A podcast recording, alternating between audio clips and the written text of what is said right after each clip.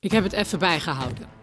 Op weg naar deze studio raakte ik acht deurklinken aan, drukte ik drie keer op het knopje van een stoplicht en twee keer op het knopje van de metrodeur.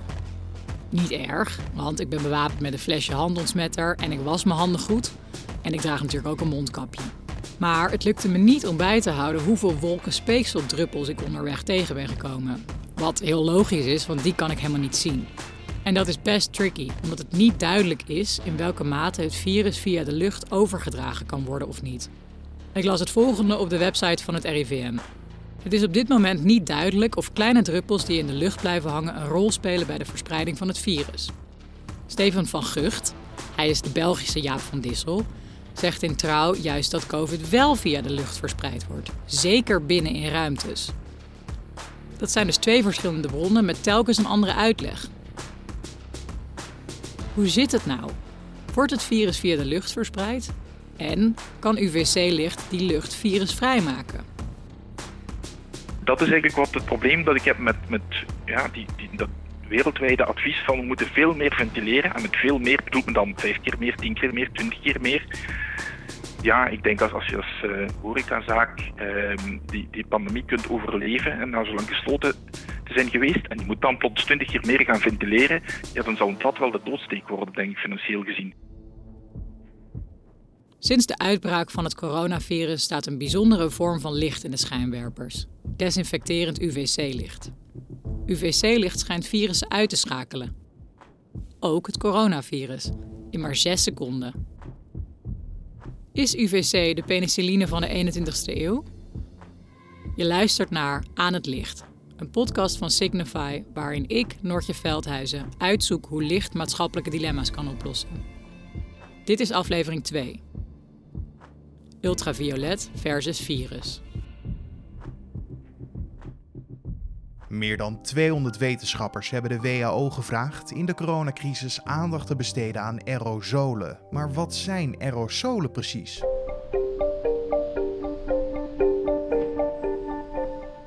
Weten dat het coronavirus wordt verspreid door hoesten of niezen. Daarbij komen kleine druppeltjes vrij die andere mensen kunnen inademen of via de handen in hun neus of mond kunnen krijgen.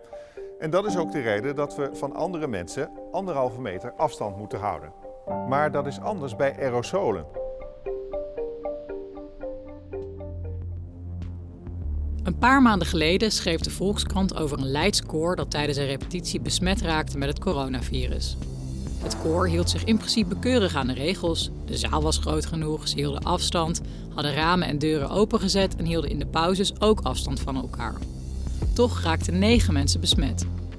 Een nieuwe studie naar de grote corona-uitbraak aan boord van een cruiseschip toont aan dat het virus zich vooral kon verspreiden via aerosolen. Dat meldt de New York Times. Op 20 januari 2020 stapte één besmette passagier aan boord van de Diamond Princess. Een maand later testten 700 van de ruim 3700 passagiers op het cruiseschip positief op COVID-19. Onderzoekers ontdekten dat hele kleine virusdruppeltjes verantwoordelijk waren voor tot wel 60% van de nieuwe besmettingen aan boord. Toch zijn wetenschappers het niet eens over het belang van kleine druppeltjes die in de lucht blijven hangen, zogenoemde aerosolen. Stel nou dat het wel in die kleine druppels zit. En dan kan een hele ruimte dus volhangen met minuscule druppels met het virus. Kan UVC-licht dan de uitkomst bieden?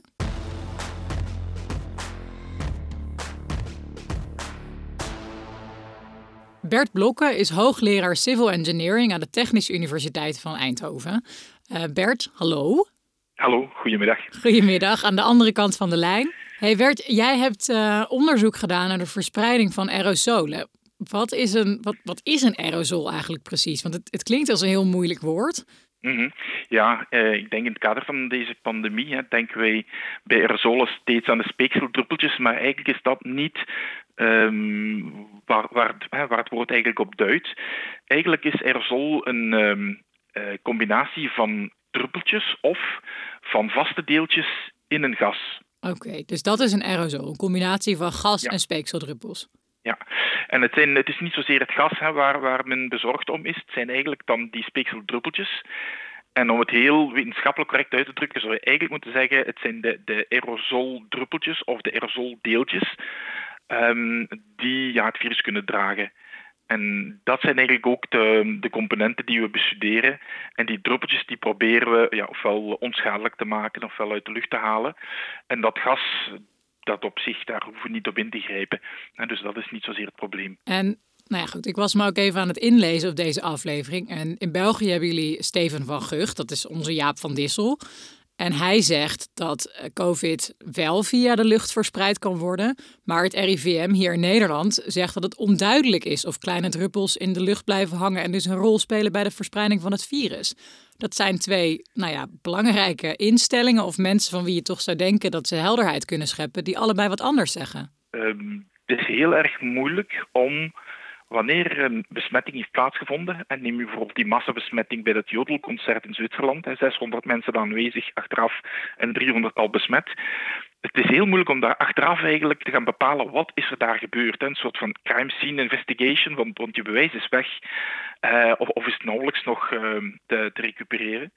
En, en, dat zorgt ervoor dat, ja, dat je altijd in zekere mate in het duister blijft tasten. En ja, dan heb je de believers en de non-believers van, van de, de aerosolentransmissieroute. Um, het klinkt ook wel spannend zo, de aerosolentransmissieroute. Ja, wel, het is, je, hebt, je hebt natuurlijk die, die, even ja, kort door de bocht, hè, de drie routes. De eerste route is de grote druppels. Hè. We weten dat als je één grote druppel van een besmet iemand in je gezicht krijgt, dat dat voldoende kan zijn om besmet te raken. Dat weten we helaas uit spuugincidenten, hè, zoals mensen die die naar de politie hebben gespuugd en, en daardoor uh, uh, politiemensen hebben besmet en, en, dat soort um, ja, ontoelaatbare praktijken. Dan hebben we de contactroute. En dus het, ehm, het, achterlaten van een virus op een oppervlak en het dan um, ja, met je hand eventueel dat oppervlak aanraken en op die manier het virus dan naar je gezicht en in je ademhalingssysteem brengen. Daar begint men nu eigenlijk van terug te komen. In eerste instantie dacht men, kijk, dit is een van de allerbelangrijkste routes. Maar nu zie je meer en meer wetenschappelijke publicaties opduiken die eigenlijk aangeven van kijk, we hebben ons daarin vergist. Die hoeveelheden die op een oppervlak achterblijven, die zijn over het algemeen zo gering dat de kans dat je daardoor besmet raakt heel erg klein is. Er stond onlangs nog een editorial in het toptijdschrift Nature daarover. Die editorial zei, oké, we hebben ons daarin vergist. Het zit vooral bij die aerosolroute. Ja, want nou goed, daar, daar kunnen dan vraagtekens over ontstaan. Maar het feit dat het virus zich via aerosolen kan verplaatsen, dat, dat staat inmiddels wel buiten kijf, toch? Het antwoord daarop hangt ervan af um, aan wie het vraagt en wie de vraag stelt. Um, maar aerosolen eh, zijn ook al als ik in jouw gezicht nies. Ja, dat mhm, weten we inmiddels wel. Dat moet ik gewoon niet meer doen. Ja, maar, maar dan, ja, inderdaad. En dan zal het uh, vooral gaan over de grotere druppels, hè, als je niest. maar even, want we hebben het nu best lang al over aerosolen, maar ik weet helemaal nog niet hoe lang blijft dat in een ruimte hangen. Als in, dat is natuurlijk een mhm. onderdeel van het probleem. Of van waarom het wel of niet gevaarlijk is. Hoe lang blijft het aan een oppervlakte plakken en, en hoe lang blijft het in de lucht mhm. hangen? Ja, daar is, uh, daar is ook onderzoek naar gedaan. Um, en dan moet je het onderscheid maken tussen uh, ja, hoe lang blijft dat deeltje in de lucht hangen. En dat kan dagen zijn, weken zelfs. Uh, of, en hoe lang overleeft het virus op zo'n deeltje? En, en die tijd is veel korter, gelukkig. En want een aerosol is eigenlijk het synoniem voor fijn stof. En voor fijn stof, hè, luchtverontreiniging, denk aan de uitstoot van, van uh, voertuigen. Uh, daarvan weten we dat het van land tot land reist. Um, en soms zelfs van continent tot continent. Dus, dus dat blijft heel erg lang in de lucht hangen, zeker de kleinere deeltjes. Um, en die aerosoldeeltjes, ja, die, je ademt die uit of je ja, niest die of hoest die uit, die gaan heel snel verdampen. En dat druppelkerntje dat dan verdampt is, dat blijft rondzweven. En daar kunnen zich virusdeeltjes uh, op genesteld hebben. En die gebruiken dat eigenlijk als, als hun voertuig om, uh, ja, om, ver, om, verplaatsingen af te leggen. Maar uh, ja, er is dan onderzocht, kijk, hoe snel sterft dat uit? En dan heeft men in laboratoriumonderzoek en natuurlijk is het afhankelijk van temperatuur, relatief vochtigheid en zo verder. Maar men heeft gevonden dat dat toch enkele uren kan zijn. Um, maar dat is dan dus als je, als je niet ventileert? Dus als er niets uh, met de lucht gebeurt, dan blijft het een aantal uur hangen? Of als je slecht ventileert. Wat is slecht ventileren? Dus, um, wel met, Kijk met namelijk even om me heen. Ik zit hier in een hele afgesloten studio. Misschien dat we hier ja. ook wel slecht ventileren. Ik weet het helemaal niet. Je hebt natuurlijk minimale ventilatie-eisen die in het bouwbesluit zijn gesteld. Uh, in Nederland een bouwbesluit en in andere landen in vergelijkbare normen en standaarden. Um, maar, maar die zijn tenminste in onze contraien nooit ontwikkeld voor een pandemie of tegen een pandemie. En die zijn bepaald op basis van CO2-concentraties uh, die niet te hoog mogen oplopen, omdat mensen anders hoofdpijn krijgen of minder aandachtig worden. En, en ook ja, op basis van het feit dat, dat wat verse lucht ook, ook zorgt voor ja, de afvoer van geurtjes en dergelijke. Maar nu zitten we natuurlijk in een heel andere situatie.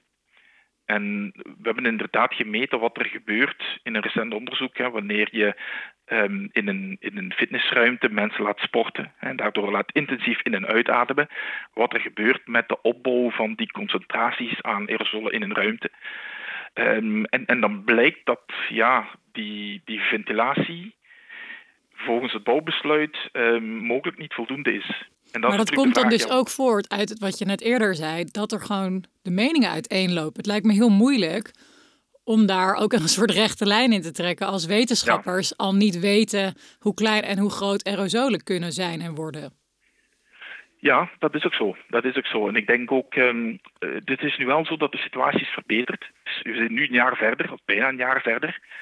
En, um, en, en, dat is eigenlijk iets dat ik ook in, in interviews heb herhaald. Ik heb heel veel mensen zien overstappen van, laten we zeggen, de, de non-believers naar de believers wat de aerosolen betreft. Maar ik ken niemand, misschien bestaat die persoon wel, maar ik ken die niet, uh, niemand, geen enkele, die de omgekeerde beweging heeft gemaakt. Omdat er steeds meer inzichten zijn gekomen, omdat geen enkel van die inzichten die aerosolroute um, keihard heeft kunnen afwijzen. Uh, maar dat er eerder heel veel indicaties zijn gekomen dat dat toch wel een heel belangrijke route zou kunnen zijn. En terugkomend naar een gezond verstand. Hè, ik denk als je een jodelconcert hebt in Zwitserland met 600 mensen. Um, en daar achteraf blijken er 300 besmet. Dan kan ik mij heel moeilijk inbeelden dat dat allemaal komt door die twee andere routes. Met andere woorden, dat die mensen elkaar allemaal heel intensief hebben zitten begroeten, misschien zitten omhelzen. Uh, en dat die, of dat die allemaal via de contactroute, ik zeg maar wat even um, als karikatuur, dat die allemaal van hetzelfde glas hebben gedronken. Dus het wordt heel, heel erg moeilijk om al die massabesmettingen terug te brengen tot enkel die grote druppels en die contactroute. En, en dat is geen sluitend bewijs dat ik nu lever. En, en dat is ook maar een, uh, ja, één voorbeeld, maar er zijn er zoveel. En we hadden hier in Nederland ook een koor ja. in Leiden, waar heel veel mensen ja. toch besmet ook raakten. Precies. Dus er dan even van uitgaande dat die aerosolen echt een grote rol spelen bij het verspreiden van virussen. Wat is dan het belang van ventileren en, en wanneer doe je het goed? Is een raampje openzetten dan voldoende? Um, over het algemeen niet. En dus um, eigenlijk um, er zijn twee uh, grote categorieën van ventilatiesystemen. Eén is inderdaad wat, wat, uh, wat jij noemt, hè, is uh, natuurlijke ventilatie. Dat wil zeggen, je is een raam open of een deur open, of je hebt misschien een ventilatierooster boven een raam zitten. En dan reken je er eigenlijk op dat er wat wind staat, of dat er temperatuurverschillen tussen binnen en buiten zijn, die ervoor zorgen dat daar stroming door die raamopening gaat ontstaan. Um, ja, dan moet je natuurlijk rekenen op de grillen van het weer en ben je dus niet gegarandeerd van een zekere hoeveelheid verse lucht. En dat is eigenlijk wat het probleem dat ik heb met, met ja, die, die, dat wereldwijde advies van we moeten veel meer ventileren. En met veel meer bedoelt men dan vijf keer meer, tien keer meer, twintig keer meer. Ja, ik denk als, als je als uh, horecazaak uh, die, die pandemie kunt overleven en na zo lang gesloten te zijn geweest en je moet dan plots twintig keer meer gaan ventileren, ja, dan zal dat wel de doodsteek worden, denk ik, financieel gezien. Maar hoe reageert dan bijvoorbeeld zo'n aerosol op UVC-licht? Ja, dit, dit is echt denk zowel economisch, ecologisch, als puur op basis van, van ja, rendement. En dat bedoel ik rendement in het, in verwijderen van aerosolen of onschadelijk maken. Um, is ja, ontegensprekelijk het beste om bepaalde technieken te combineren. En ventilatie moet je gebruiken, dat is zoals zeer gezegd als wettelijk. Um, en dan kun je dus aanvullingen doen met, uh, met andere technologieën. Oké, de grootste en gevaarlijkste druppels zijn het zwaarst en komen daardoor minder ver. Afstand houden is voor die grote druppels dus vaak genoeg. Maar kleinere druppels zijn dus een heel ander verhaal. Die blijven hangen. En zeker in slecht geventileerde ruimtes vormt dat een risico. Als er niet genoeg verse lucht binnenkomt, zit je in feite in een hele grote wolk van virusdeeltjes.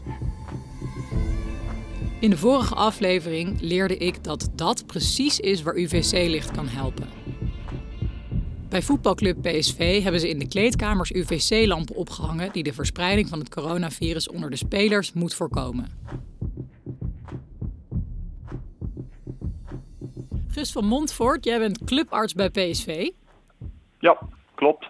En ik heb begrepen dat jullie UVC-licht in, in de kleedkamers hebben hangen.